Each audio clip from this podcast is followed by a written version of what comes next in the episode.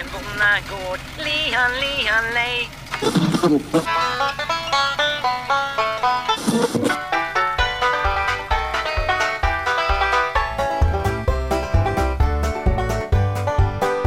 Ja, nu har du kommit till Bondepraktikan.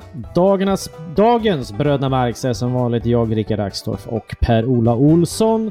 För en gångs skull så har vi ett kö- körschema och eh, eftersom Bröderna Marx var tre, Julius, Leonard och Adolf, så har vi idag med oss en gäst. Med detta sagt, hej Per-Ola! Har vi ett körschema? Nej, det har vi ju inte, men det var kul att säga. Jag har fått, nu kände, alltså nu fick jag lite lätt panik här. Ja, det är lugnt. Ja, däremot Bröderna Marx, eh, rätta mig om jag har fel, men var inte det så här stumfilmsgrejer och dessutom anarkister?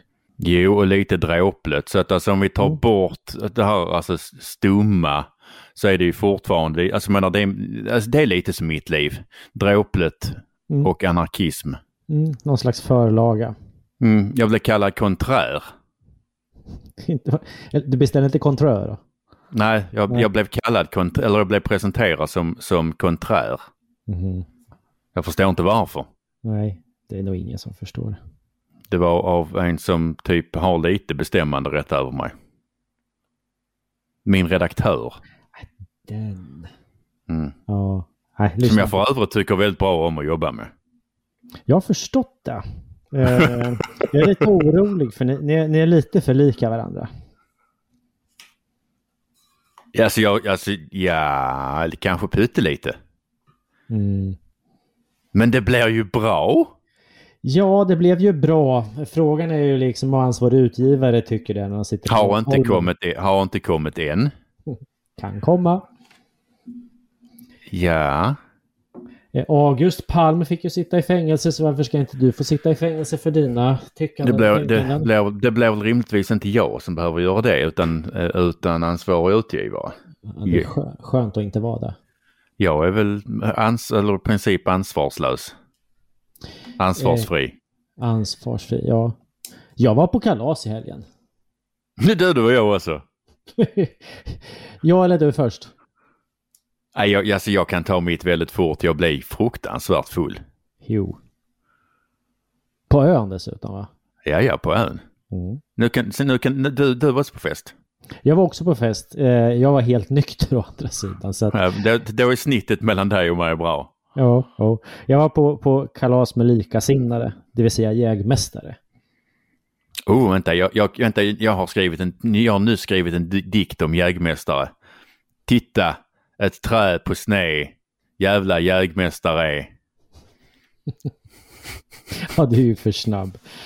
Nej, men det var trevligt. Det var det gamla vanliga. Det var god mat, mycket sång, en del sprit även om jag då var nykter. Och sen så la vi upp eh, planerna för hur vi ska avverka så mycket skog som möjligt eh, under nästa år.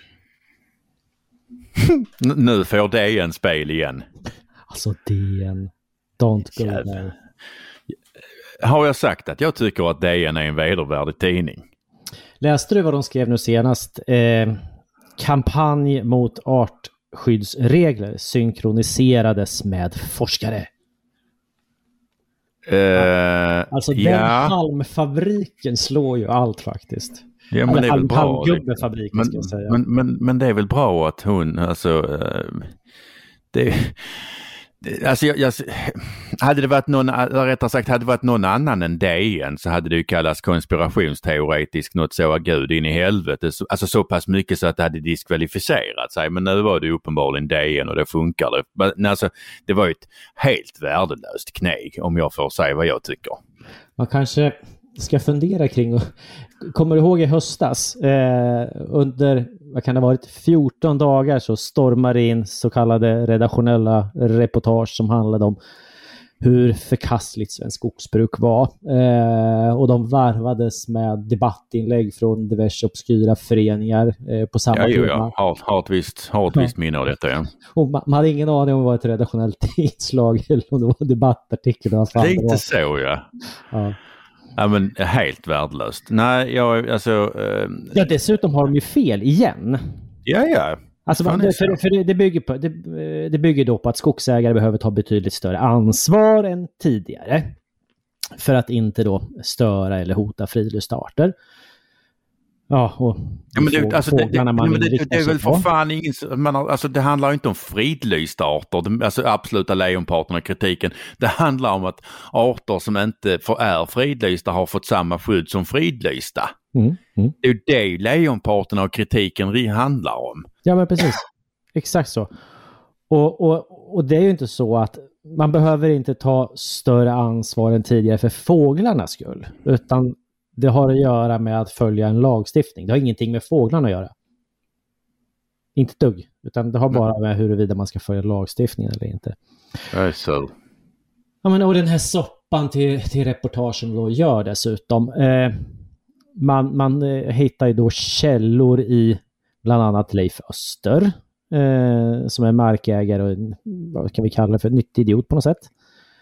Eh, man hittar miljörättsprofessor Jan Darpö. Eh, och för er som har varit med en tid, bland annat i vargfrågor, vet vad vi har att göra med då från den här Uppsala-ligan. Eh, och sen så har man ju då den tredje personen, Kristina Olsen Lund, som man då hänvisar till som trovärdig. Och, och, eh, för er som inte riktigt vet så hon, hon är ju då utsedd till chefsrådman på en tingsrätt och är den personen som ansvarar då för 8 utav 10 utav de här domarna som Skogsstyrelsen... 8 av 12. 8 av 12, precis. de här domarna som Skogsstyrelsen grund, grundar sin analys på. Och Men- dessutom var ju hon ju då den som var huvudsekreterare för utredningen av artskyddsförordningen. Så det här med konspirationsteorier. Jag vet inte fan om inte det bara rakt av bygger på att man dömer andra efter sig själv. Nej, men lite så, det är ren projicering. Nu ska jag så absolut påpekas att ingen av de här tre är, är, är här och kan försvara sig. Å andra sidan så hade det inte gjort saken bättre om de hade försökt, så det kan ju kvitta. Ja, de har en egen kanal också. Det. Ja exakt, de har DN. Uh, Snåväl, jag är arg på dig. Ja, just det. Jag har inte skjutit någonting så att... Eller Nej, jag, alltså, jag, jag, skiter i väl, jag skiter i vad fan du har skjutit för jag är arg på dig. Jag har, sitter har jag i, avbrutit dig nu igen? nej, jag sitter i ditt kök. Ja. Vad är det för fel Fast-? Nej, alltså inte i ditt kök där hemma där du är, utan i ditt kök på Gotland. Ja. Och ehm, det är ju trevligt. Mm. Men jag var ju nere med en, en flaska whisky till din svärfar häromdagen för att han hade varit snäll och satt på värmen och så. Mm. När jag kom. Mm. Så jag tyckte han var värd en flaska whisky. Mm. Ehm, så jag stannade till med eh, en flaska whisky till honom. Och alltså varför i hela helvete har du inte berättat för mig vilken enorm guldgruva han sitter på? Ja. Han, han, har ju, alltså, han har ju drivvis med maskiner. ja, det beror väl enbart på att det kommer komma massa vänner som guldvaskar. Det, det kan absolut vara så. Alltså, jag, jag, jag, där var nog fan fyra Belusar nere. Ja, En har jag tingat redan. Ja, det gör du fan mig rätt i. Nej, alltså vil, vilken guldgruva! Så att han, han, och- han och jag ska köra och käka en kväll i veckan. Eh, på hans initiativ faktiskt. Ja. Eh, mycket trevligt. Nej, vi snackar, vi snackar skit och, och han, han, eh, han liksom pekade ut över, över alla sina saker och förklarade att eh, han var, hade lite han var lite orolig för din fru. Mm. Eh, för att det var hon, henne, hon som fick ta reda på allt det här när, när eh, det väl var dags. Liksom. Mm. Så av ren omsorg om din fru Mm. så, så erbjöd du av mig att göra det istället. Jag trodde du skulle säga så, så har han adopterat dig. Men. Nej, men... eh, Alltså vänt, vänta, trevligt. det, det, det kan komma. Vi kommer väldigt bra överens, jag och din svärfar. Ja, han är jävligt bra. Han Ja, det är han. Ja. Mm. Ja. Det glädjer mig att ni kommer bra överens. Eh, se nu till och, och, eh, att ni går på något bra ställe och käkar i Visby. Jag, kan, eh, Alltså, jag, jag ja, rekommenderar bakfickan. Jag, jag, har, jag har alltså snart ätit mig igenom alla Visbys matställen. Mm. Har du varit på bakfickan än då? Inte än. Det Eh, är, det är den enda restaurangen jag har telefonnummer till i min telefon. ja. Mm. Nej, jag har varit på väldigt många andra ställen nu. Uh, herregud, fan alltså jag... Åh gud, det här kommer bli, det här, det här kommer bli en jobbig tid att gå ner liksom. Alltså, eh, världen håller ju på att förändras så, eller går under eller någonting. Eh, så därför har vi ju med oss en gäst från Skåne. Jag tänkte du kan väl ta och presentera honom eller hur vi nu... Jag lämnar över till dig Per-Ola. Edvard. Räckte det med det? Ja, hej Edvard. Hej. Ja, jag, jag tänker att jag rimligtvis har blivit så känd så att det räcker med förnamnet. Jag tycker att det räcker så. Uh, och skulle, alltså, menar, vi kan i och för sig vara så om det skulle vara någon som inte vet vem Edvard är. Vem är Edvard? Jag heter Edvard Nordén. Uh, är uh, jordbrukare i uh, Svalöv och är jordbrukspolitisk talesperson i Medborgerlig Samling, ett liberalkonservativt parti. Och eh, man kan väl säga att, att, vi som tycker att de här frågorna om livsmedel och eh, säkerhetspolitik och vad jag ska kalla är intressant kan ju tycka att de diskussionerna vi har nu är... Eh, alltså det är lite plågsamt. Det, det, det får man väl säga. Mm -hmm. det, det det är, det är en rätt så udda situation någonstans om man får dyka direkt på ämnet. Får vi göra det? Jag vet inte hur körschemat ser ut exakt. Vi, vi har ju inget körschema. Eh, ett tips till dig Edvard, jag vet att du har ett stort vackert skägg. Håll skägget så nära micken som möjligt och, och var kvar där. Jag ska göra mitt bästa. Så, så, så hörs det bättre. Då kör vi på det. Nej, jag håller med. Det är lite mm, besvärande. Det, det, är väl så att jag brukar säga att jag har skrivit ungefär samma debattartiklar i, i sex år som handlar om att eh, livsmedelsproduktionen i Sverige är väldigt sårbar. Rent politiskt sett. Konkurrensmässigt har vi inga större problem. Eh, men, men den, vad ska vi kalla det, den politiska delen så har vi ju det svårt. Eh, och att man varnar för att du kan komma i ett läge där, där sårbarheten kan bli ett säkerhetspolitiskt problem. Och det har väl de flesta tyckt har varit eh, antingen ett märkligt resonemang eller eh, ja, orealistiskt eller alarmistiskt. Och sen plötsligt så händer det ganska mycket.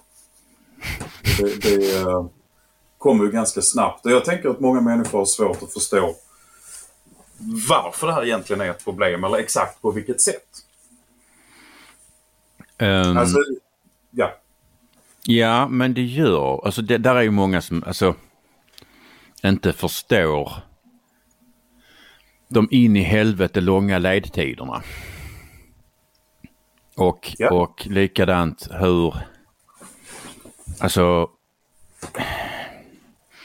om vi bara tittar på, på alltså vad ska jag säga, produktionen som sådan, livsmedelsproduktionen om vi så tar EU eller Sverige för 2021 så såg det ändå ganska bra ut. Problemet är ju att produktionen är importberoende. Ja, man brukar väl säga att vi är självförsörjande till 50 eh, procent. Och då har man inte räknat med det som krävs för att kunna producera. Nej, precis. Och diesel och så vidare. Precis, alltså produktionen, är, produktionen ser inte jättedålig ut men, men den är extremt importberoende. Ja. Och jag tänker mig att den situationen man har just nu, med, med alltså jordbrukssituationen, har ingen av oss varit med om innan. Nej. Eh, andra världskriget räknas inte. Eh, och ingenting riktigt därefter heller. För att den världsmarknaden som ser ut idag, så såg det inte ut innan. Och vi hade bättre... Vi hade ju en ganska bra förmåga om man tar efter andra världskriget i Sverige. Mm. Och det har vi inte idag. Gud nej. Eh, alltså vår, vår livsmedelsimport har ökat radikalt i Sverige och, och det är ju en ny situation vi har. Förr har ju sanktioner ofta in, inneburit mer att man möblerat om flödena lite för det har alltid funnits någon skurkstat som har kunnat tänka sig handla med länder i sanktion, eller, som är så utsatta för sanktioner. Uh, nu lyfter vi bort en extremt stor spelare. på, Ja. på, på världsmark. Alltså, på, alltså både- när det gäller lantbruksprodukter och insatsvaror. Ehm, och det, det, det komplicerar lite för att alltså, nu, nu alltså, som sagt innan så var det ba- innan betydde ju sanktioner bara ommöbleringar. Nu, nu, liksom, nu, nu finns inte volymerna. Och det, det är ju lite tråkigt med tanke på att med tanke på hur stor stor aktör Ryssland är. Jag hörde häromdagen eh, Ulf Kristersson berätta att eh, Ryssland var en banal ekonomi, slutcitat. Och att Ryssland inte hade någonting vi andra ville ha, bortsett möjligtvis från kanske lite energi. Och att, det, att lyfta ut Ryssland ur, ur, liksom, ur, ur världen eh, skulle inte göra kännas för någon annan mer än, än eh, Ryssland. Ehm, jag satt där och tänkte, det, jag satt där och tänkte att... Ja, jag berättar inte vad jag tänkte. Men jag blev fruktansvärt bekymrad. För att det är ju liksom den sortens, den sortens övertygelser och fartblindhet som, alltså som, som brukar leda länder i fördärvet. Man har som sagt, vi kan titta på på, på eh, om vi tittar på gödseln som, är- som sagt som är vi kan fördjupa oss mer i varför vi behöver gödsel sen. Men alltså om vi tittar på siffrorna så, så produceras det i världen runt 181 miljoner ton mineralgödsel, alltså räknat till kilo näring, alltså inte kilo varor utan kilo näring. 60 av det är ju kväve, 23 är fosfor och 17 är kalium. Det är liksom de, de viktiga makronäringsämnena. Och, och EUs produktion är, eller är, är 8, nej 9, 3 respektive 8 procent. Alltså 9 procent av kvävet pro- produceras i Europa.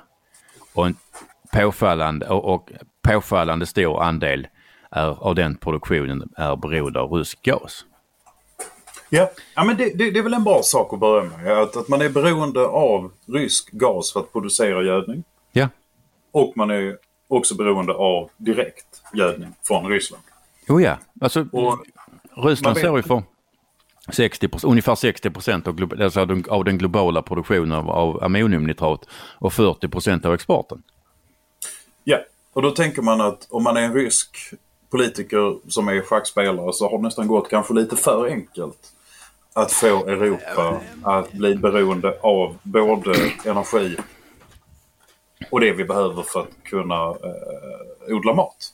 Ja, ja men så är det. Brasilien är ju...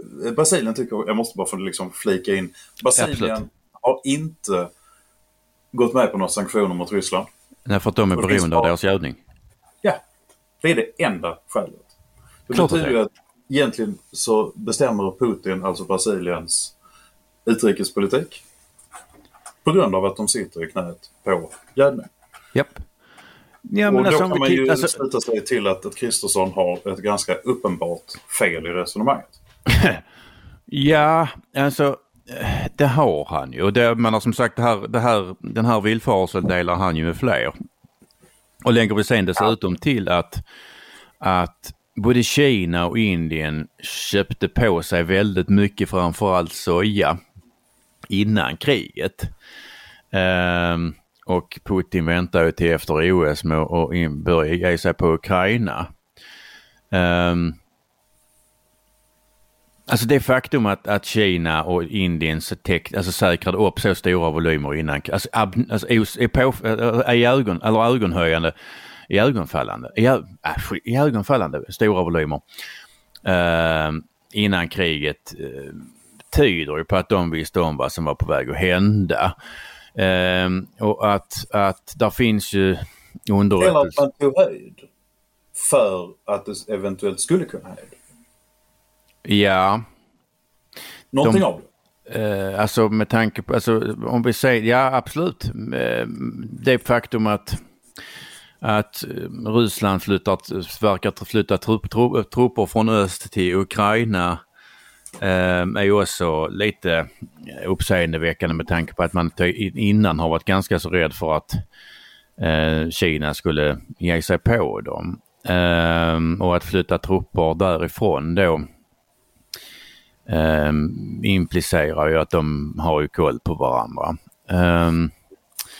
Så att alltså det, det, det, finns ju, det finns ju tecken på att Um, Kina och Indien visste om vad som skulle kunna, vad som skulle hända och det kanske till och med var så att de var med på det. Jag kan väl bara flika in att eh, det var väl torsdagen kriget drog igång på. På fredagen så kom det bulletiner från Kina om att eh, man var beredd att köpa allt Japp. vete från ryskt territorium eh, som Japp. blev över. Eh, Inte, inte bara som blev över utan det var så, alltså tidigare har Ryssland alltså haft som, eller tidigare har Kina hab, bara handlat vete från utvalda regioner. Precis som att man bara handlat alltså mejeriprodukter från utvalda mejerier och så vidare. Eh, men det är helt rätt, alltså ungefär samtidigt som det rullar ryska stridsvagnar in i Ukraina så meddelade Kina att de, köps- de kommer köpa vete från hela Ryssland. de är snabba på att fatta beslut under kineserna. Eller så tillkännager man det bara vid ett visst specifikt tillfälle. Alltså, när, när EU förra gången skulle klämma åt Ryssland med sanktioner på livsmedel så passade ju egentligen Ryssland på att försöka bli så självförsörjande man kunde. Ja, ja, ja. Och så var ju det problemet löst. Ehm, vi tänkte att vi inte skulle dra någon större slutsats i Europa av det. Alltså, eh, sanktionerna, alltså sanktionerna mot Rysslands livsmedelsproduktion 2014 gjorde dem till världens största exportör av vete och när man pratade med ryska lantbrukare så refererar de till sanktionerna som det bästa som någonsin har hänt oss. Ja. Och det är ganska grundläggande. Alltså det, Ja. det är ju egentligen det är ingen konstig slutsats Nej, att dra. Frågan är ju varför vi inte har gjort det. För, för, och, och, om vi tar Kina, Indien, Ukraina Ryssland. Ja, Där har du ju ungefär, alltså ungefär hälften av all veteproduktion i världen. ja, Det kan ju liksom vara bra att hålla i minnet. Ryssland ligger på den, tror jag, 130 miljoner ton spannmål. Mm. Kina på 450, Indien på 250. Mm, mm. Ukraina på 65 tror jag det är. Sverige Mm. ligger på 6 miljoner ton. ja. Ett bra Ehm, år. Ett bra. och, och jag, alltså Asien domineras av ris. Amerika av majsen Europa är det vete och korn. Men Ukraina och Ryssland står för ungefär tror jag, 30 procent av den globala veteexporten. Ja, tar du bort, eh, alltså Ryssland och Ukraina, alltså med, tar du bort Ryssland och Ukraina så tar du bort ungefär en tredjedel av, av eh, veten på världsmarknaden. Ja, och de största importkunderna. Nordafrika. Ja. Egypten, Benin, Somalia, Ja. Tunisien, Sudan, Tanzania, Libyen. Mm. Eh, en del av de länderna ligger på nästan totalt beroende av... Eh, både Somalia och Benin ligger på alltså i stort sett 100 procent. Ja. Och, och Och de, som, de som, alltså de enda som levererar dit är ju, jag tror Ukraina står väl för typ 30 procent av deras vete och, och, och eh, nej det måste vara tvärtom. Ryssland står för ungefär 30 procent av Somalias vete och Ukraina för resten. Eh, ben, ben, Benin. Benin är ju liksom 100 procent dominerande av ryskt, alltså Och så har man nu stoppat veteexporten från Ryssland och Ukraina till de här länderna. Mm. Och då är frågan, vad händer då? Ja, det kan man ju fun- fundera på. Förra gången så bidrog det till arabiska våren. Ja, och då, Eh, alltså, alltså, så- arabiska våren tändes ju av vetepriser som inte ens är i närheten av de vi har idag. Ja. Ja, så är det. Men det, Men det är ju det egentligen brukar ingen- väl leda till eh, att folk blir hungriga, akut svält som leder till krig, som leder till flyktingströmmar, som leder till Masskaos. innan, innan kriget så räknar man med att svälten i år skulle öka till att omfatta 900 miljoner människor. Det var innan kriget. Och nu går det uppe på 950. Ja, Och det går ganska snabbt. Jag kommer ihåg det var, det var prisspekulationer på ris i Thailand. Man odlar mycket ris i Thailand. Mm. Och många av de eh, större företagen är kinesiska. ja, Intressant nu. Och då började man spekulera och sen började människor hamstra. Och det slutar med några väpnade konflikter i Afrika. Eh, alltså, och ibland så blir det så att, att problemen uppstår på en plats. Och sen har du följdproblem på en helt annan plats. Ja. Och det tycker jag ju nog att vi i Sverige ska fundera lite mer på. Mm. För jag lyssnade på regeringskansliets eh, pressbriefing för några få dagar sedan och då säger landsbygdsministern Alltså det är ett resonemang där man menar att det inte påverkar Sverige så mycket eftersom vi inte har ett handelsfönster mot Ryssland som är speciellt stort. Det är en fullständigt debil inställning. Det hade varit, det hade varit jävligt skönt med en, alltså en minister som faktiskt kunde någonting om det hon sysslar med. Jävla Det är sänke. en väldigt märklig bild av ett system funkar. Alltså det, det och Ja, systemet men alltså, alltså vem fan, alltså vad fan, alltså vad har hon för rådgivare? Hon har ju för fan sämre rådgivare än vad Putin har. Alltså det är en ganska svår jämförelse. Men jag förstår vad du menar. Ehm. jo men du, du har ju en världsmarknad. Alltså det, det, som, det som vi garvar åt är ju, eh, om man ska vara eh, rimlig här med lyssnarna, är, är, är, är ju att det är en världsmarknad. Där finns allting. Jag eh, odlar vete, det gör mina grannar också. Men vi är Ja. inte konkurrenter. Utan vi finns på samma världsmarknad. Man tittar på Chicago och Parisbörsen. Inte på Mandelmans, inte på saluhallen i Södermalm, inte på eh, Grannens fält. Utan det är en världsmarknad och där sätts priserna. Eh, För, och och där, därför spelar det liksom inte så stor roll om, om det är Australien eller Ryssland eh, eller. USA. Nej. Utan priserna påverkar oss här också. ja. Eh, och den här tanken om att, att det är väldigt intressant hur vi gör här. Men alltså om vi inte, alltså jag menar var fan... Var, var hade hon tänkt att vi skulle ta gödseln ifrån? Jag menar alltså, jag tittade lite också och, och, alltså, här, alltså, och jag, har för, alltså jag har försökt följa alltså, regeringens och, och, och arbete i det här och, och, och alltså, det, alltså jag får när, alltså, alltså, när de försöker så, så berätta ungefär om hur livsmedelssystemet och världsmarknaden fungerar i det här så får jag ungefär det är ungefär som att titta på Glada Hudik-teatern när de försöker lösa Rubiks kub. Ingen av oss tänker kommentera det. Men, men vi förstår hur du menar Per. Men om vi säger så här då. De, de nya stormakterna, för, för att eh, om åtminstone jag ska bli klok på saker och ting. De nya stormakterna liksom. Eh, ut, utifrån ett resonemang så handlar stormakterna egentligen om liksom, va- vart hittar vi råvarorna eller det som vi på något sätt puttar in i basindustrin. Och då, om jag förstår det rätt, så är de nya stormakterna, det är Ryssland, det är Kina, det är Indien, det är Brasilien och USA. Det, det är de fem stora spelarna. Har jag fattat det rätt då?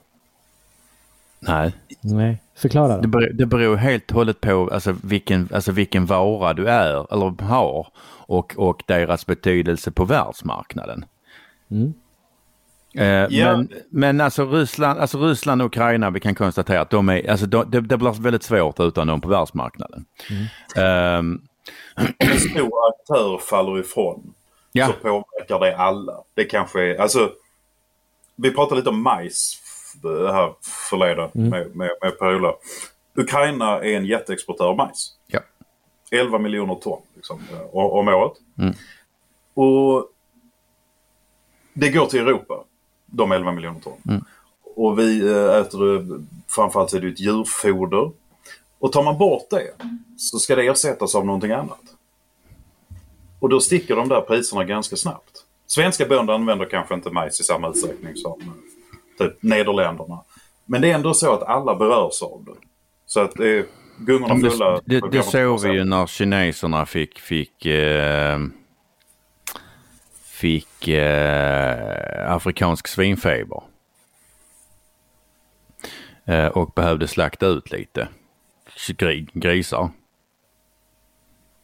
Ehm, då, alltså, Kina slog ju ut ehm, eh, ungefär 30 procent av sina, eh, av, av grisarna. Eh, och, och alltså 30 procent kanske inte låter så här jävla jättemycket. Men, men alltså Kina var redan då när det här hände 2019 var alltså värld, världens största svinproducent. med 710 miljoner grisar. Alltså de, de har liksom 55 procent av världens alla grisar. De har 40 procent av världens får. Eh, så 30 procent av Kinas svinproduktion, alltså det de behövde slakta ut och destruera, motsvarar alltså sammanlagda produktionen hos USA, Kanada, Mexiko och Brasilien. Det får ju lite storheter på det hela helt plötsligt. Alltså när, när de sen kom igång så sa de ju egentligen inte någonting om det. Men man kunde ju se att det gick så in i helvete mycket mer till Kina Ja. som gick till foder att man kunde räkna baklänges och konstatera att de var igång. Ja, gud ja. volym som är eh, på en annan nivå än vi riktigt är med på. Ja. Jag tror jag har någon bild, där var 65 båtar på väg från, från Sydamerika till Kina med soja, noll på väg till Europa. Ja, ja men det är ju... men men, men det, det är väl en bra beskrivning på alltså, vad som påverkar vad. Och att det är en, som sagt en världsmarknad. Jag tycker det är ett jättebra begrepp att bara tjata in. Ja, nej, men alltså, det, det är det. pratat Och, så, alltså, men, och det här, och som sagt, alltså, det, det, vi såg då. Och som, och som sagt, det här var liksom inte, det här handlar om 30 procent av Kinas grisar. Det innebär att de, alltså, de räknar, de, de, de blev ungefär eh, 10 miljoner ton kött kort. Vilket gjorde att priset steg på både nöt och gris. För att man vill ha an, an, andra animalier istället. Alltså Ja. det, det, det är liksom, Och det, det är också en bra poäng att, att få in. Att, att, att många av de här varorna kan man byta ut. Alltså just nu är rapspriserna i Sverige jättehöga. ja, Och vi har sämre tillgång på sojabönor för att det var en dålig skörd i Sydamerika. Torka. enormt dålig skörd i Sydamerika. Ja. Och rapsen i Kanada, den är kass. Ja, ja. Palmoljan i Asien har också gått dåligt. Palmoljan har gått jättedåligt. Alltså redan innan kriget så hade vi sån brist på palmolja så vi hade högsta, högsta världsmarknadspriset på 13 år. Ja, och då påverkar det även en, eh, en svensk bonde som odlar raps. Ja, klart ja. Och som behöver köpa foder. Och som behöver köpa fågel. Och det påverkar även de som, alltså alla som tankar eftersom vi behöver blanda, som sagt, för att alltså, bi, alltså ve- de vegetabiliska oljorna följer varandra i pris. Eh, och, och det, ser, alltså, det, det ser vi framförallt nu uh, sen Ryssland gick in i Ukraina. Eh, Ukraina är världens största producent av solrosolja med typ, om det är drygt 8 miljoner ton. Ryssland är näst störst med någonstans runt 6 miljoner ton. Och eh, hela EU producerar 4 miljoner ton. Bristen på solrosolja gjorde ju att priset på både sojaolja som ju Kina och Indien köpte ganska mycket av, framförallt Indien, innan kriget. Eh, och, och palmolja stack iväg så in i helvete. Ja, och då följer rapsen med. Sen Det, var- alltså, det, det som är på... Ja, Rickard. Nej, jag bara tänkte flika in, men visst var det som så att Kina i år hade haft den sämsta, vad kallar man för, winter crop, höst, Ja, höst, hö- höstveten i, i, i Kina är sjukt, sjukt dålig. Om man nu kan lita på kinesisk information, men jag, Nej, det kan man inte göra. Kineser ljuger. Alltså, i, i- när det gäller lantbruk i alla fall så vet vi att kineserna ljuger alltid. Det passerar ju alltid en statlig kontroll som ska säga vad är bäst för Kinas intressen och det gör ju att man aldrig riktigt kan lita på att det kan vara både bättre och sämre än vad man vill säga. Men, men, men ja, Kina är ju ett jätteland. De producerar enormt mycket mat.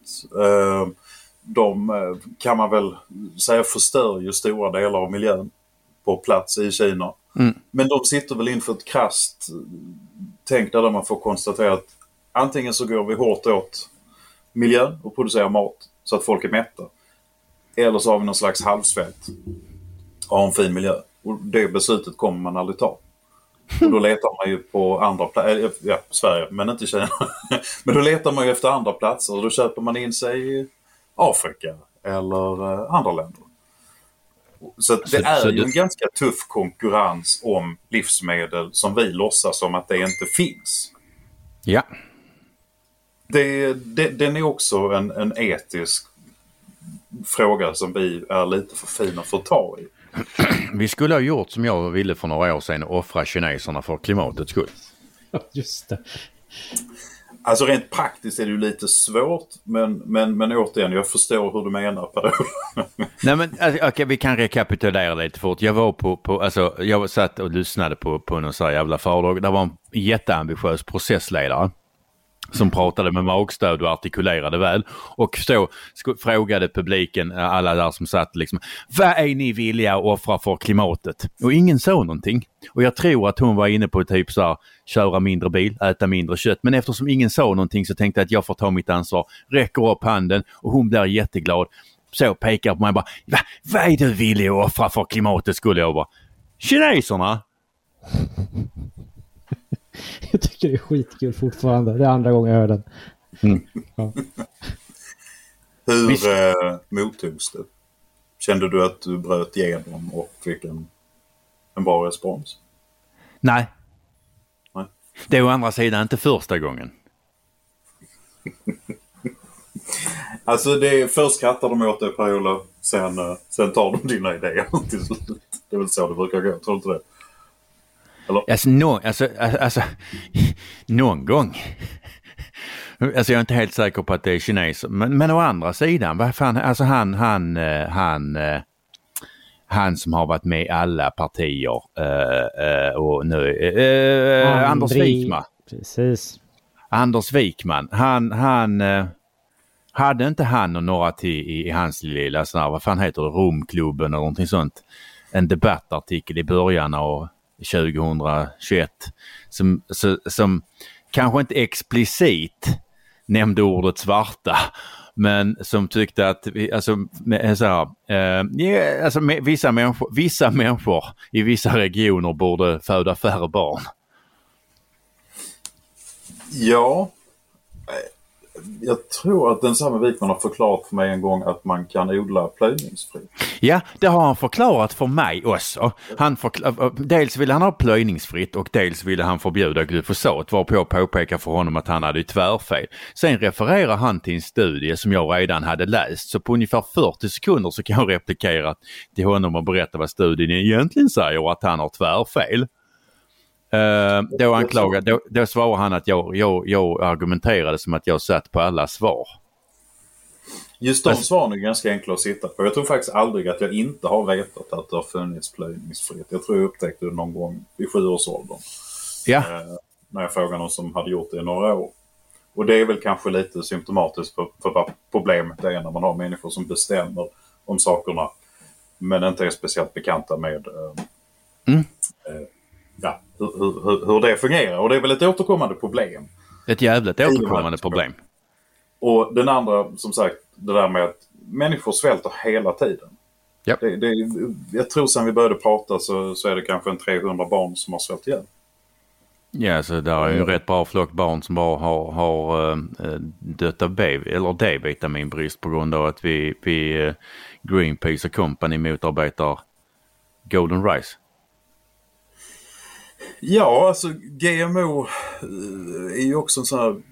Det vi tänker oss, vi tänker att det är någonting väldigt besvärligt och eh, sanningen är ju också att, att man kan ju naturligtvis hantera det väldigt ovarsamt. Men det är också skälet till att miljontals människor överhuvudtaget lever idag. Det, det, och jag menar, vi har en befolkningsökning på eh, typ 2 va? Ungefär. Och då ska vi ha en ökning av livsmedelsproduktionen med 2 varje år. Mm. Och ni som kan räkna, vad blir det på 25 år? Ehm, Många. Ja, det, det, det är så mycket så att man behöver tänka om. Och Ja. även om det finns mer mat än människor som svälter för att det är ju inte tillgängligt för dem, kanske varken fysiskt och det spelar ingen roll om, om det finns mat som någon som är fattig inte har råd att köpa. Nej. Men det här ska ju också med i resonemanget när vi sitter och pratar om att vi tycker att man ska dra ner lite på detta. Odla mer kanske ekologiskt och eh, vara mer varsam. Så är det fortfarande så att vi köper mat från den där gemensamma marknaden. Och den räcker inte riktigt till alla. Nej, är min- framförallt inte i år. Nej, jag, jag Eller, bara menar alltså- att ut, utgångspunkten är ju att den egentligen aldrig räcker. Nej. i, i, i mitt resonemang här. Att det är alltid människor som svälter. Sverige, om jag får ta den mer politiska tanken, så menar jag att vi borde ju odla väsentligt mer för att vi kan odla det så pass säkert och rent. Japp. Och istället exportera mycket mer. Eh, en, en, en självklarhet i min värld. Nej, men, Men du, man alltså, du har helt rätt och dessutom så, så um, alltså generationsmålet medger ju egentligen inte att vi, vi eh, exporterar miljöproblem. Nej, det finns ju inget vett i det. Nej. Det finns ju inget vett i att... eh, Jag menar, Sverige ligger på en ganska bra plats för att odla vete. Vi behöver inte odla bananer här, men, men vete är ju perfekt plats. Skåne står väl för en, ungefär hälften av den maten vi tar fram i Sverige. Bara det är ju en rätt så speciell sårbarhet i sig. Mm. Ehm, men om vi kan göra samma produkt med mindre kemikalier, mindre utsläpp och mindre... Alltså, det finns ju en del livsmedel som knappt är riktiga livsmedel. om man får säga så. Alltså, eh, så. Så ska vi antingen äta det som är producerat så. Eller så lägger vi ner det, tycker att vi är goda miljöhjältar, klimathjältar och så köper vi någonting som är odlat i Kina. Har man då gjort någon en tjänst? Nej, tvärtom. Staten. Okej, bortsett från kinesiska staten, ja. Men, men å andra sidan så har jag ju redan aviserat att jag tycker att vi borde offra dem för klimatet. Så att jag tycker inte de räknas riktigt. Nej, vi får ta det som ett sidoresonemang. Jag är med på det. Ehm, Apropå sidoresonemang. Mm. Hasse och Tage. Franska revolutionen. Kommer ni ihåg den sketchen? Visst var det Hasse och Tage? Ah. De skär, skär de huvuden utav varandra som lampski, eh, limpskivor. Jag, jag sitter och läser en eh, portugisisk tidning. Jag vet inte riktigt, men Portugal Resident heter den. Eh, antingen så är de tydligare i andra länder på hur det egentligen ser ut än vad vi är i media i Sverige. Eh, men den här artikeln är rätt tydlig. Den är skriven den 16 mars. Eh, man skriver att food poverty will reach a level that have never been seen in years. Eh, någon från Food Bank Against Hunger. Alltså matfattigdom. Eh, man pratar om att eh, man är i en situation eh, som man aldrig sett tidigare. Baserat på mat då. Eh, man pratar om tillgängligt foder till djuren. Och att det eh, med största sannolikhet kommer ta slut i april. Eller till april, förlåt. Så det är typ ett par veckor kvar, inte ens det, en vecka. Sen har man riktiga problem. Eh, priset på majs har gått upp med 30 procent förra veckan. Så det är riktigt svart i Portugal ja. men det här är väl ungefär allting vi redan har sagt. Precis, men det är jättetydligt när det hamnar i skrift och i en större tidning så här. Ja, men vi, ja, jag, jag tänker att vi är rimligtvis alla överens, i, i alla i podden i alla fall, Mm. om att vi är i en livsmedelskris, alltså Mm. i början av den. Och frågan är bara hur djupt och långt det går. Men att Alltså det, kommer det, hade, ha- ju- det, det hade ju liksom, det, han hade ju, alltså det är ju ett rimligt antagande att, att krisen hade blivit mindre allvarlig och kortare om vi hade haft folk som, alltså de som styrde hade ju haft, haft någon som helst jävla aning om vad i helvete de sysslar med. Ja, det är svårt att neka till. Alltså hur, hur man än lägger det så, så är det ju det som är grundproblemet. Man ska, alla stater behöver ha liksom någon slags förmåga att behålla sin suveränitet. Därför har man ett försvar. Har du inte livsmedel så behöver du inte ha ett försvar för du kör det oavsett. Ja. Och det är, ju, Det- är ju lite av det som är problemet när det gäller, alltså vad ska jag säga, sanktionerna mot Ryssland. För att vi har... Vi, har- alltså det, det är en ganska stor risk att sanktionerna kommer kännas, alltså över, över, så, över lite tid kommer kännas mer för oss än för Ryssland. Och då är det inget straff. Och framförallt så med tanke på att stockholmare går upp i limningen över att ha varit utan ström i 20 minuter. Det var faktiskt en och en halv timme vilket förklarar traumat. Om det bara hade varit 20 minuter så hade det varit en helt annan sak. Jag måste ändå korrigera det. Ja men de började gå upp i limningen efter 20 minuter. Det kan till och med gått snabbare men ja. Ja, alltså vi hade ju, det hade, alltså Givet det så är det ju rätt så rimligt att anta att folk de kommer ju, alltså menar, gräns, gränsen för vad de anser vara umbäranden är ju att de inte kan få sin ekologiska mocca latte frappuccino. Ja, alltså vi har, eh, tror jag, alla tre sett diskussioner på, på Twitter där det framgår att förvånansvärt många kan vi tycka som kanske är lite insnöade lantisar. Det, det ska man ju också ha. Att vi, vi, vi kanske lätt tycker att det här är självklarheter. Och det är det ju inte för en, en, en, väldigt urban svensk som aldrig har kommit i kontakt med den här delen. Man får definitivt ingen hjälp medialt att förstå hur, hur det fungerar. Eh, och så ser man ju de här diskussionerna om, om konstgödning och gödsel. Där, där, jag, där jag tänker att det, det är ibland svårt att bemöta för man tänker att det är väldigt fel. Det är, det, alltså det, det är svårt att bemöta seriöst. Alltså man vill ju bara kalla folk fula saker. Ja, och, och det, det, löser ju ett behov. Ja, men det känns bättre. Ja, det, det är behovet. Mm. men... Uh, För att man får vi... inte slå dem. Det, det, nej, men jag håller med, liksom, det, det, är ju ett problem. Jag satt åt middag, eller lunch, eh, i förra veckan och, och, då diskuterades det kring kriget och att man var orolig. Och, och det jag reagerade på var på något sätt att man var orolig för nästa vecka, eller näst, nästa vecka. Och jag försökte väl lugna ner stämningen lite grann så att jag inte jag är inte orolig för den här veckan eller nästa vecka utan jag är väl orolig för i höst eller i vår kanske. Mm. Det blir liksom så lite jobbigt tyst och man säger, men vadå, vad menar du? Ja, men för det, det, det, finns en realitet att i, till nästa vår så är det möjligt att kön till restaurangen dit det inte var någon kö idag, där vi sitter och äter lunch, kommer vara 50 meter lång. Eh, och för att få komma in så måste du dessutom ha en kupong. Och när du väl är inne så buffé är ett minne blott. Det kommer serveras mat på en tallrik Eh, och den kommer vara dubbelt så dyr. Det kommer vara samma mat varje vecka och du kommer bara få hälften så mycket. Ja, om man inte gör någonting åt det här, alltså om man inte sätter in någon slags... Eh... Men det är just det, du måste väcka folk. Ja, jo, jo, ja, min uppfattning, alltså jag, jag är politiskt aktiv i ett mycket litet parti.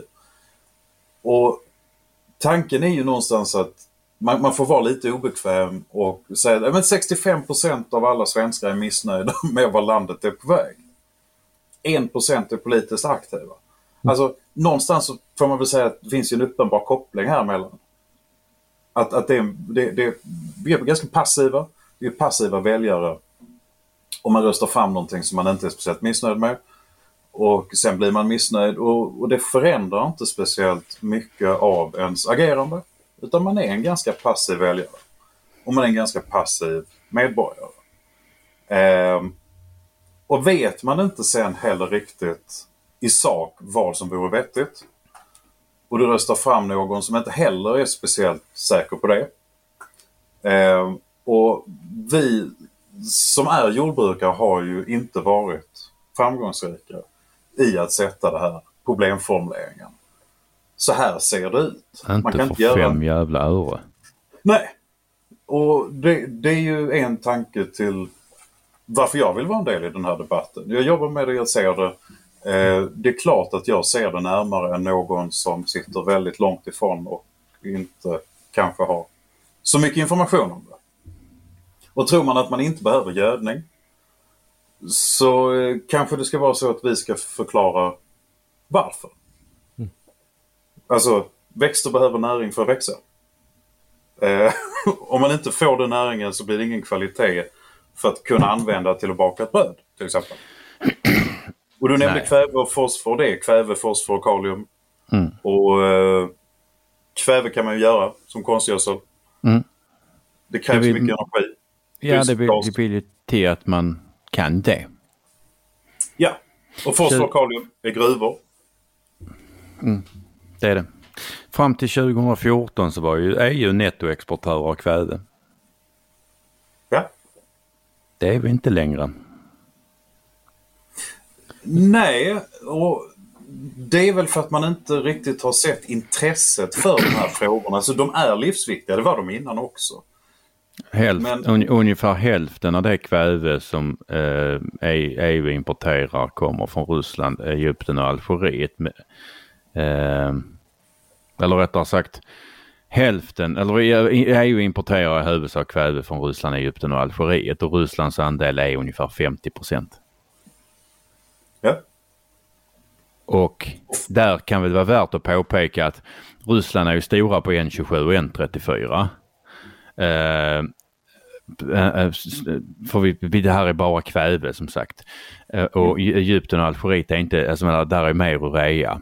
Och eh, det, det är ju värt att, alltså, vad ska, värt att ha, ha i minnet när vi diskuterar svenskt lantbruk för att vi använder mer än, alltså vår, vårt lantbruk och vår infrastruktur är mer byggd på eh, N27 och N34 och betydligt mycket mindre på urea. Ja, visst. Det spelar, liksom, det spelar liksom ingen jävla roll om det finns, det finns urea eller om det finns, finns flytande kalksalpeter någonstans. Om, det, det, din, om vår infrastruktur, vårt lantbruk bygger på N27 och N34. Nej, det är ju långsamma system som man bygger upp. Och jag tänker ännu mer, för det finns ju annan gemensam nämnare i det du säger. Mycket av den här livsnödvändiga gödningen finns liksom inte i demokratier som man har fantastiska relationer till. Nej. Fosfor. Marocko. Ja, Ja, vi, nu, vi, alltså- vi här uppe tar ju en hel del från Ryssland. Alltså, globalt står Ryssland för ungefär 20 procent av fosforn. Och vi, tar, alltså, vi här uppe tar ju mycket fosfor från Kina och Ryssland för att den är kadmiumfri.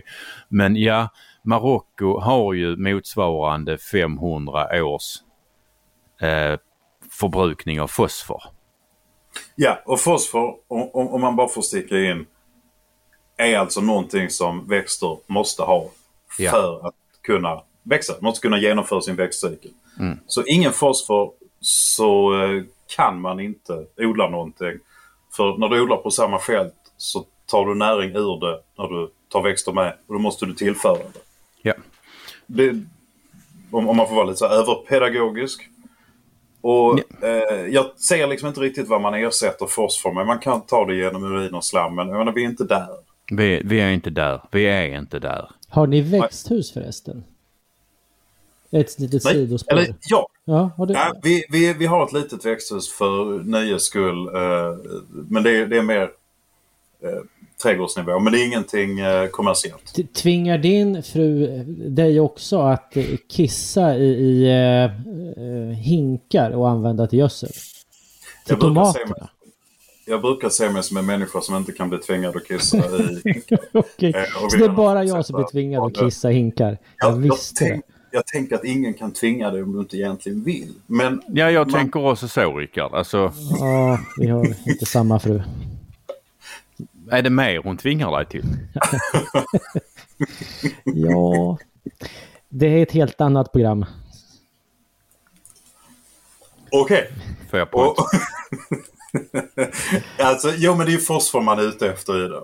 Alltså fosfor behövs och fosfor finns i urin. Det går genom kroppen. Det är därför man vill sluta med istället fosforkretsloppet genom mänskligt urin. Och problemet är ju att man är lite rädd för eh, läkemedelsrester, hormoner och p-piller och medicinrester. Alltså, Flo- bromerade flamskyddsmedel, helvete. ja.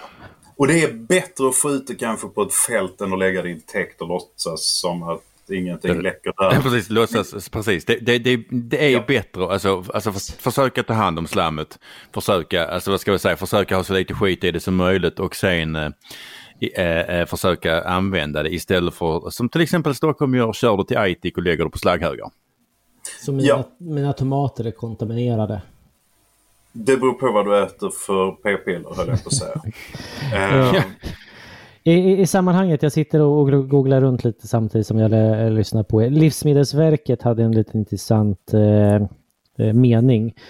Redan vid en minskning av livsmedelstillförsel med 25 procent innebär det en risk för näringsbrister och undernäring i Sveriges befolkning. Förvärras krisen med fortsatt brist på mat, även efter, eh, även efter tre månader, ökar risken ytterligare och i det värsta scenariot står vi inför en svält i landet. Så Livsmedelsverket 25 procent, tre månader. Sen är det svält. Mm. Mm.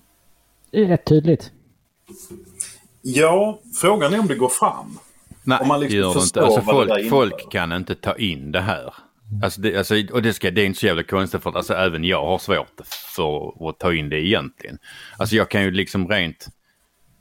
Alltså jag kan sitta och titta på siffrorna och tänka och liksom och vet, vet hur, hur, hur... Men alltså jag vet ju hur det ser ut om vi inte får gödning till nästa odlingssäsong. Ja. Men, men alltså, så, trots att jag vet det så har jag jävligt svårt att ta in det.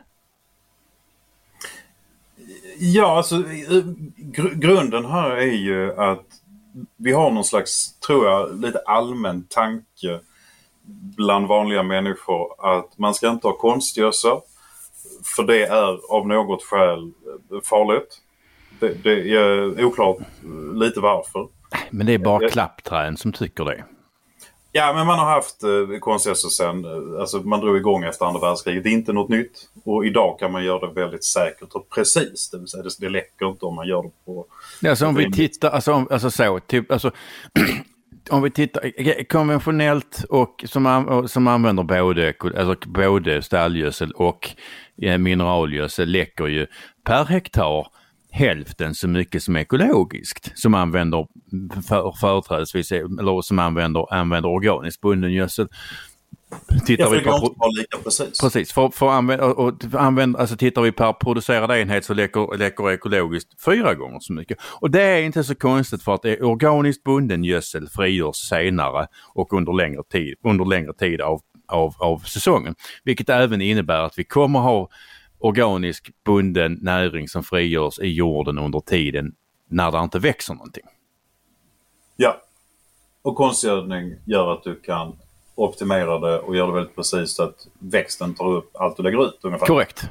Uh, vi vet, alltså, till, alltså, till och med, alltså den här, eller så, Sosse-regeringen, uh, det var i och för sig förra regeringen, de, nej det var nog fan denna förresten, det var den här det, det var denna socialisering. De beställde en utredning som visade att för varje tusenlapp vi lägger på ekologiskt i stöd så ökar näringsläckaget med 19 kilo kväve och 1 kilo fosfor. Och då drog man slutsatsen att man vi ska, ska öka, precis, att vi ska öka andelen ekologiskt. Ja, och den är ju naturligtvis eh, klockren för dem och obegriplig för oss som jobbar med den. Det är lite som att satsa på att trycka på gasen och bromsen jättemycket samtidigt. Så att vi har ju redan ett dokument som ligger. Som alla riksdagens partier har antagit att man ska öka det ekologiska. Vilket betyder att man sänker den totala nivån och att vi ska öka livsmedelsproduktionen totalt. Ungefär 20 procent av, av, den, av, av marken är, är ju omställd till ekologiskt. Och den står för, de 20 procenten står för ungefär 7 procent av den registrerade volymen. Och om Skåne då står för den största produktionen, vet du hur mycket som är omställt i Skåne? Väldigt lite. Och det är inte så jävla konstigt. Värmland är väl de som har mest omställt men det beror på att du kan lika gärna ha det där. Ja, det, är väl, det är väl en sån sak som kan vara obegriplig men i sammanhanget så är det så att om du inte har konstgödning så kommer det inte att växa. Och ja, om, man exakt. Inte djur, om man inte ska ha djur för att vi då ska vara vegetariska så har du alltså inte gödsel heller. Och den tanken tror jag att man måste få ut och säga att det där är fullständigt nonsens. Att det inte det. ha gödsel för att man ska vara vegetarisk. Och, alltså vill man äta vegetariskt eller veganskt så, så är det ju ett personligt val. Men då kanske man inte ska ta det i förhållande till att det är bra för klimat och miljö, för det är det inte. Utan det är ett personligt jag, val om man väljer bort det. Jag vill bara påpeka att vi under den här, alltså just nu under den här tiden vi har pratat så har du eh, med de siffrorna vi hade innan kriget svultit ihjäl tusen människor. Ja. Och det är ändå tusen riktiga människor. I regel så är det ju ett barn Ja. som dör av det. Och det allvaret ska man ju ändå ta med i de här diskussionerna. Alltså, nu, nu är det lite hack i skivan. Men vi bortser någonstans från alla konsekvenser av det vi har. Ja. Och tänker att om vi är snälla och fina här och så typ, tänker man att bönder går upp och sen så klappar man tomaterna och gosar med en ko och sen, sen är det fint och så är det ja, ekolatten där. Men i verkligheten så är det ju en väldigt krass produktion Ja, ja. och en väldigt krass situation. Och återigen det här fosfor som är så livsnödvändigt. De största producenterna av fosfor. Eh, Kina, USA, Marocko. Och, och vad sa du, hur, hur länge tänker man att det finns i Marocko? Så det är 500 år? 500 år. Och de sitter på typ 75% av världens reserver av fosfor. Korrekt. Och det betyder ju att när det andra tar slut så är vi ju egentligen, om vi inte hittar en lösning på det, beroende av en halvdiktatur Ja. för att kunna odla livsmedel världens Det, det, det, är- alltså, det är väldigt enkelt. Alltså när, när det, alltså så, när det börjar närma alltså så, utan Ryssland på världsmarknaden och, eh, med, om vi bör, och, och, eller och, eh, och, eh, eller och när vi börjar närma oss kritiska nivåer på andra ställen. Kina har ju också fosfor fast de tjuvhåller på sitt. Ja. Ehm, så kommer det innebära att vi kommer bli tvungna till att se bort eh, oavsett, eh, oavsett vad, vad Marocko vill göra med dem i Västsahara. Där nästan all fosfor ligger ska man lägga till. Det, det är därför man är Ja. intresserad av Ja, Västsahara. ja. ja. Nej men alltså, alltså det spelar, alltså jag menar även om de så, så känner för att alltså, halshugga varenda jävla människa i Västsahara med en spade så kommer vi bli tvungna till att titta bort för vi kommer inte få fosfor annars. Nej, det, det är ju någonting som man ska titta långt fram och säga vad gör man i den situationen? Och då behöver vi hitta någon slags annan lösning. Och de här diskussionerna har vi inte. Vi har haft dem. Om man går tillbaka kanske, jag vet inte ens om 30 år räcker. Nej, det gör det inte. Eh, men, men, men det är en fullständigt självklar... Det, det är ett självklart slut på den där historien om man inte gör någonting. Och den, det slutet på den historien vill vi inte vara en del av. Det är därför man ju behöver på något vis ha en självhushållning. Som gör att man inte blir så beroende som man politiskt har gjort sig. Ja. Och nu jag är jag inte riktigt säker på kalium är den sista också som man väl kväve, fosfor, kalium, NPK. Ja. Och där har väl Vitryssland varit en av de... De är, alltså Vitryssland är ju enormt stora på kalium. Och där har man väl stängt den kranen stängt. från EU. Den, den kan, nej alltså, ja det är oklart vem som har stängt. Ehm, alltså ungefär ehm, om vi tittar på global nivå så står Ryssland och Vitryssland för ungefär 40% av kaliumet och tittar vi på EU-nivå så står eh, Ryssland och Vitryssland för ungefär 70 procent. Ja. Och jag vet inte var man hittar ett substitut. Men, men det är återigen, vi alltså har ju gjort oss beroende av olika halvdemokratier, diktaturer och länder som har en uppenbart annan agenda än vad vi skulle vilja se. Får jag bara inflika här att alltså Tyskland går från, eh, på det här ämnet, Tyskland går från klarhet till klarhet. Nu ska de ju inte, för att göra sig oberoende eller så mindre beroende av rysk gas så har de slutit avtal med Qatar. Om vad? Ja. Gas! Okej. Ga- Qatar som också är en sån fin, fin stat. Ja, demokratiindex. Jag tror inte de har klättrat jättelångt på kort tid. Eh, Det tror jag inte jag heller. Ehm, Det är samma, det vill säga, nu, nu är inte Qatar lika mycket av ett problem för oss som Ryssland är med påtryckningar. Nej. Men, men återigen, det, det, det är diktatur Ja. som vi har gjort oss beroende av. Ja, vi är jätteduktiga på det. ju Hur, hur man har tänkt i de länderna som vi är beroende av.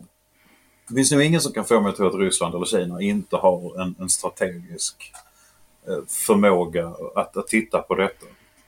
Och vi har, som vi konstaterade innan, eh, landsbygdsministern eh, och vi har energiministern eh, Farmanbar och så har vi Strandhäll. De är alltså de som ska guida oss genom eh, de svåra tiderna, besluten och eh, konsekvensanalyser. Och när jag hör en, en landsbygdsminister som säger på frågan vilka lärdomar kan vi dra från tidigare kriser? Svarat att hon inte har några lärdomar att dra. Nej, men det beror inte så jävla konstigt för hon är ju för fan en del av krisen. Eh, Men alltså hon har, alltså hon har per definition inte tillräcklig distans nog för att vara objektiv om krisen eftersom hon är en del av den. Ja, eller så vet man så lite som man... Alltså, om, om, jag kan ju tråka ut absolut vem som helst i timmar om vilka lärdomar man kan dra av de här kriserna. Det, det är ju helt uppenbara saker för den som tittar närmare på det eller jobbar med det. Vi hade en torka 2018 som har grävt rejäla hål Mm. i, i, i, i lantbruket. Mm. Det är väl ganska lätt att dra en slutsats att så svag ekonomi kan inte jordbruksföretagen ha. Så att man inte klarar svackor. Och då kan man titta på vad, vad, vad är det som plågar? Ja, det är ju extra kostnader och skatter. Det är den här överregleringar, hysteriskt sätt att man ska dokumentera allting som om man vore en opolitlig, skadlig eh, människa. Eh, Som hatar miljön. som hatar miljön. Eh, det kan man ju uppenbarligen inte ha. Om man tänker sig, jag känner ju inga bönder som vill vara beroende av någon slags nödbidrag. Nej. Så att man är så svag som man inte kan klara eh, svackor. Nej. Och politiskt sett så är det ju ganska hål i huvudet att göra sig. Eh,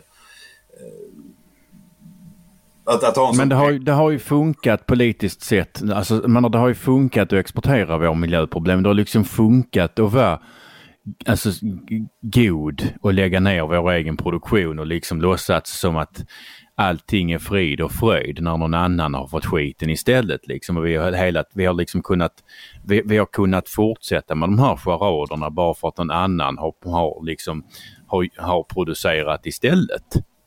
Ja, så är det. Och Det- sen, det- så, jag- sen hinner verkligheten ikapp. Och Ja. nu, är, nu är till och med alltså regeringen, eller vad fan var det till och med kanske, till, ja det var regeringen som var citat villiga och lätta lite på klimatmålen. Alltså uttrycket att man, man är villig att lätta på klimatmålen för att ha tillgång till livsmedel är ju en otroligt märklig... Ett otroligt märkligt perspektiv. Ja det, det, det, det är det. ja. men, men det är ju samtidigt ett, alltså ett väldigt bra medgivande eller ett erkännande att man har ju varit åt helvete på fel väg. Det vi har gjort har ju inte funkat, punkt. Nej, men det, men det, det är mycket av ett poserande. Det är lite som det där med, med, med plastpåsar. Eh, vilka utsläpp har du? Vad har du då? Om Kina då ligger tusen gånger över. Så, Så det är vi fullt rimligt att rädda världen genom att införa plastpåseskatt i Sverige. För att då slutar kineserna kasta plastpåsar. Jag har sett fler döda kor spolas i land än jag har sett plastpåsar spolas i land. Ja, jag ligger ganska dåligt till på båda egentligen ska jag erkänna. Men jag bor ju kanske inte lika nära kusten. Jag vet inte. Men i verkligheten så är det ju så att vi gör någonting som vi tycker är dumt och då ska vi inte ha den produktionen för den är dumt och så importerar vi det från Kina till fem gånger miljöbelastningen. Japp. Och, och den poängen vill man ju hamra in att har du då gjort någonting vettigt? Nej. Svaret är nej. Och då ska vi kanske inte göra det med livsmedel heller. Eh, som ju dock Du är, tänker så? är ännu viktigare än plastpåsetillgången. Eftersom vi dör. Och, och, och så man kan säga vad kostar en limpa vete när du svälter? Ja, det, det är ju jag som sitter med vetelimpan som bestämmer priset och du kommer ta vilket pris som helst. Det gäller ju samma sak i internationella relationer och säkerhetspolitik. Mm. Och vi bestämmer inte speciellt mycket. Och nu tänker jag, jag, vet, jag vet inte vad ni tänker men att köpa gödning nu är ju en ren spekulation. Ja. Det är ju därför man inte gör det. Nej, jag menar alltså det, det är ju så enormt mycket mer pengar än vanligt. Ja, alltså så, så länge kalkylen, så att jag, jag, jag är växtodlare. Så att vi ligger väl ganska bra till. Det gör ni. Eh, och vi har, just vi, vårt företag, har kanske lite mer muskler än andra att kunna vara lite förutseende och ha ett lager. Mm. Men vad händer sen?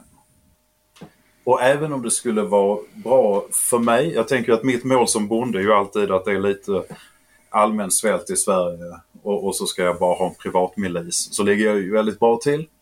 Men politiskt sett så, så är det ju vansinne naturligtvis. Ja, a hungry mob is an angry mob. Mm.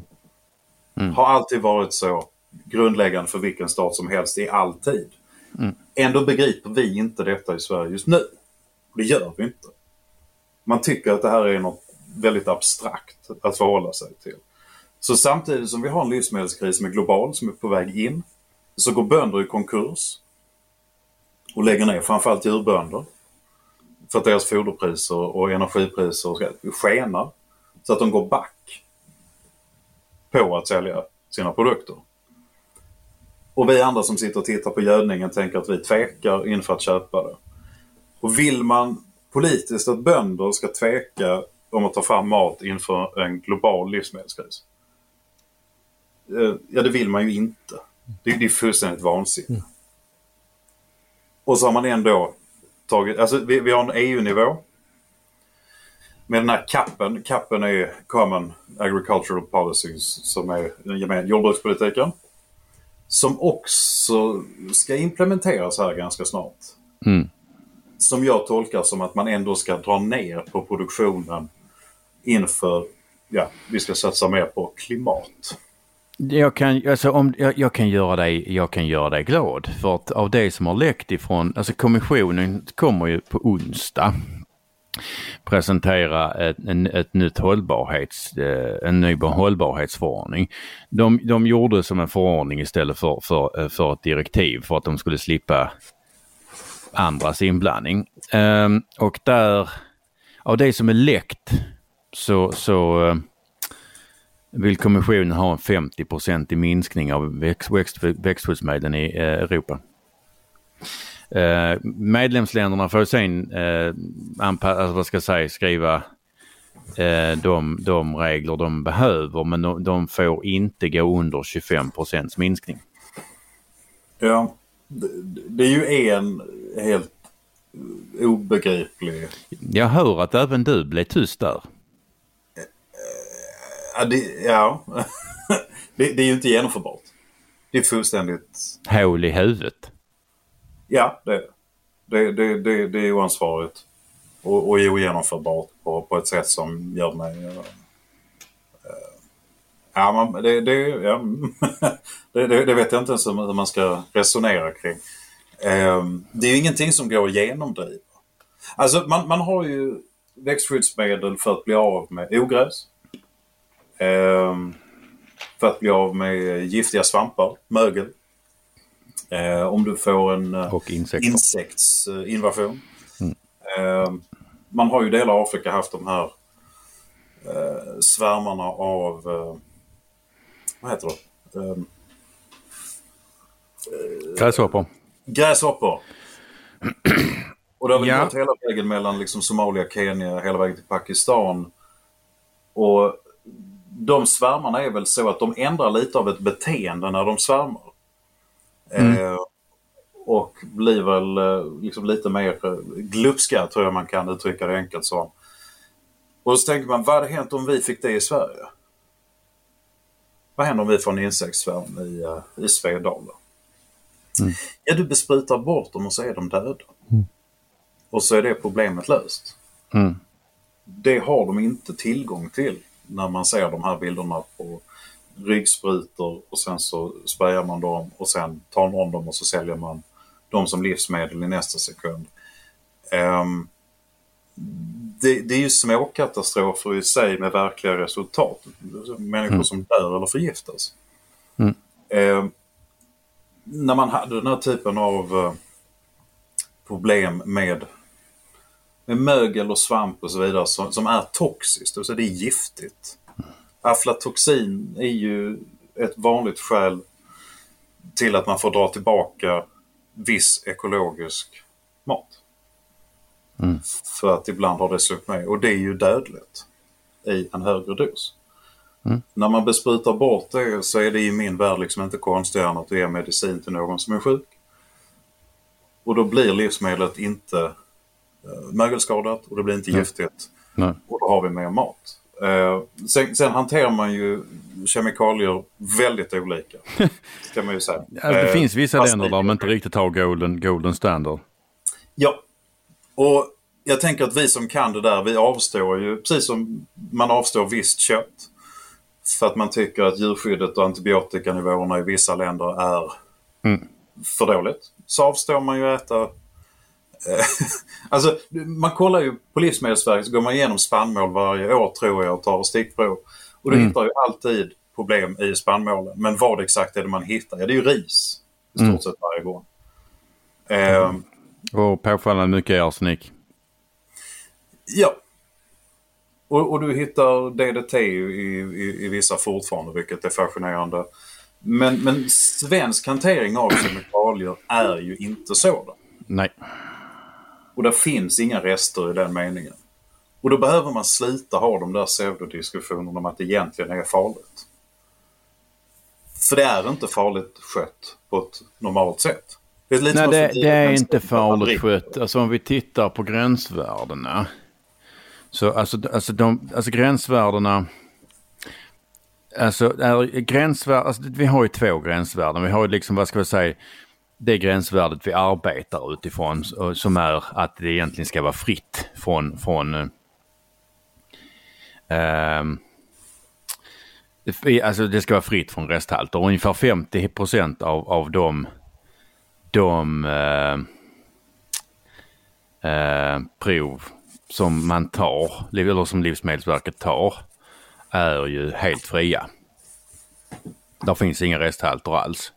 Eh, när vi tittar på andra, eller vad ska jag säga, när vi tittar på resthalterna så är ju de satta oftast på detektionsgränsen, alltså där man rent, där, där, där liksom, där, där, där analysen ger, har förmåga att ge utslag och detektera, där har man satt äh, gränsvärdet utifrån en politisk ambition att, att, att, det ska vara, att de ska vara fria från resthalter.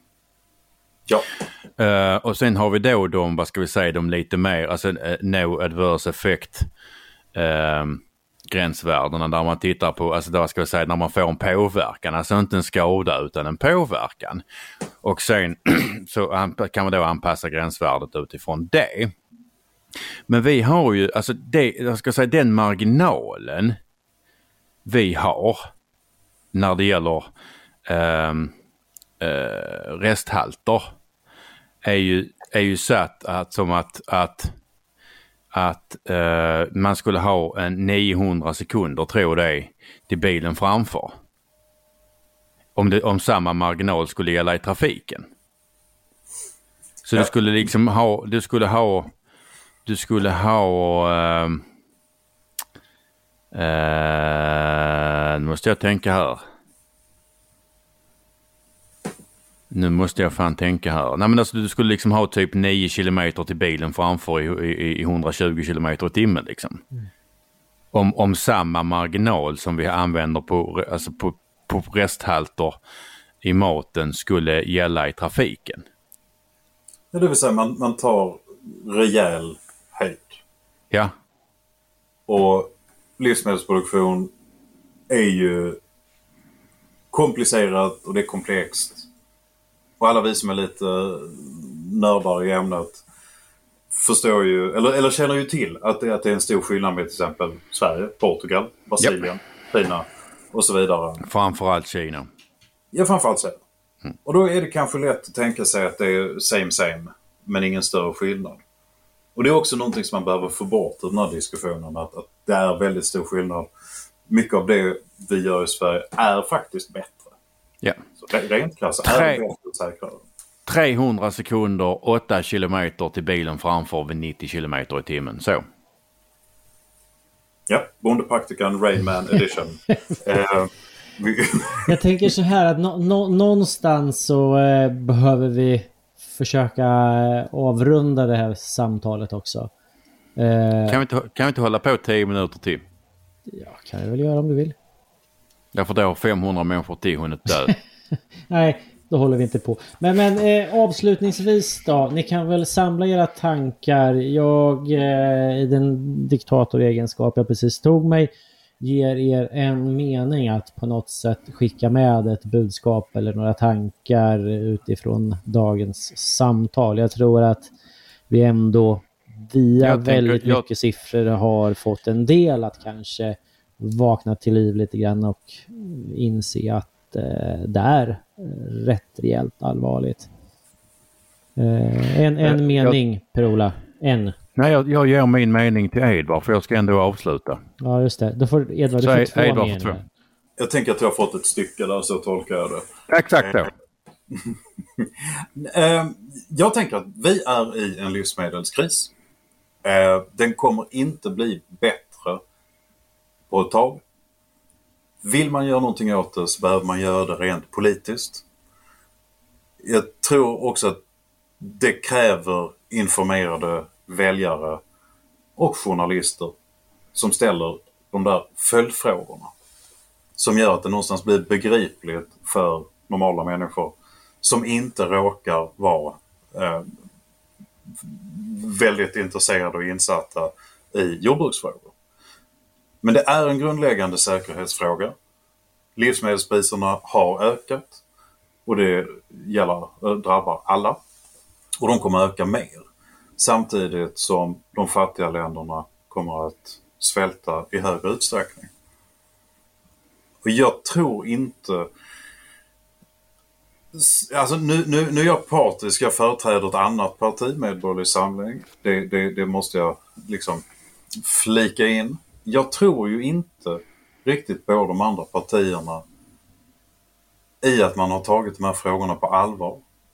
Utan ibland så jagar man väljare snarare än att lösa sakfrågor. Och då sitter man till slut i en... Uh, i en Prekär situation. Ja, som inte riktigt alltid går att lösa på ett bra sätt. Låter man problem gå för länge så kan man inte alltid lösa dem på ett bra sätt. Och där tycker jag vi närmar oss snabbt. Tackar för de Mm. två meningarna. Det lilla stycket. Är det, är det nu jag ska avsluta? Nej, jag har också en mening. Jag, jag, Ja, du har också en mening. Ja, okej, Rickard har också en mening. Varför förminska mig? För? Jag vill Han bara kan säga... få en del av stycket från mig också vill jag säga. Ja, nej men ja, vad- vad fan ska man säga? Eh, det, kommer, det kommer högst troligt dö fler portugiser i svält än svenskar. Ja, Varför, varför hatar du portugiser? Jag bara konstatera att så är faktum. 20 procent av dem tjänar mindre än 450 euro per månad. och många kommer äta dålig mat. Nu, nu får du avsluta om du vill. Ehm, ni är färdiga alltså? Jag kan, ju, jag kan ju prata lite grann om miljö och jordbruksutskottets betänkande om eh, stärkt äganderätt och flexibla skyddsformer och ökad Nej, då, då avslutar vi. Nej, vi avslutar. Du har lyssnat på Bondepraktikan. Idag har vi pratat livsmedelskris med Edvard Nordén. Under den tid vi pratat har cirka 1500 människor svultit ihjäl och 150 barn har dött av A-vitaminbrist på grund av motståndet mot genmodifierat ris. Minns de senaste årens debatt och vi, när, när vi kommer fram till vilka som ska ställas längst bak i brödkön. Tack för oss! Tack.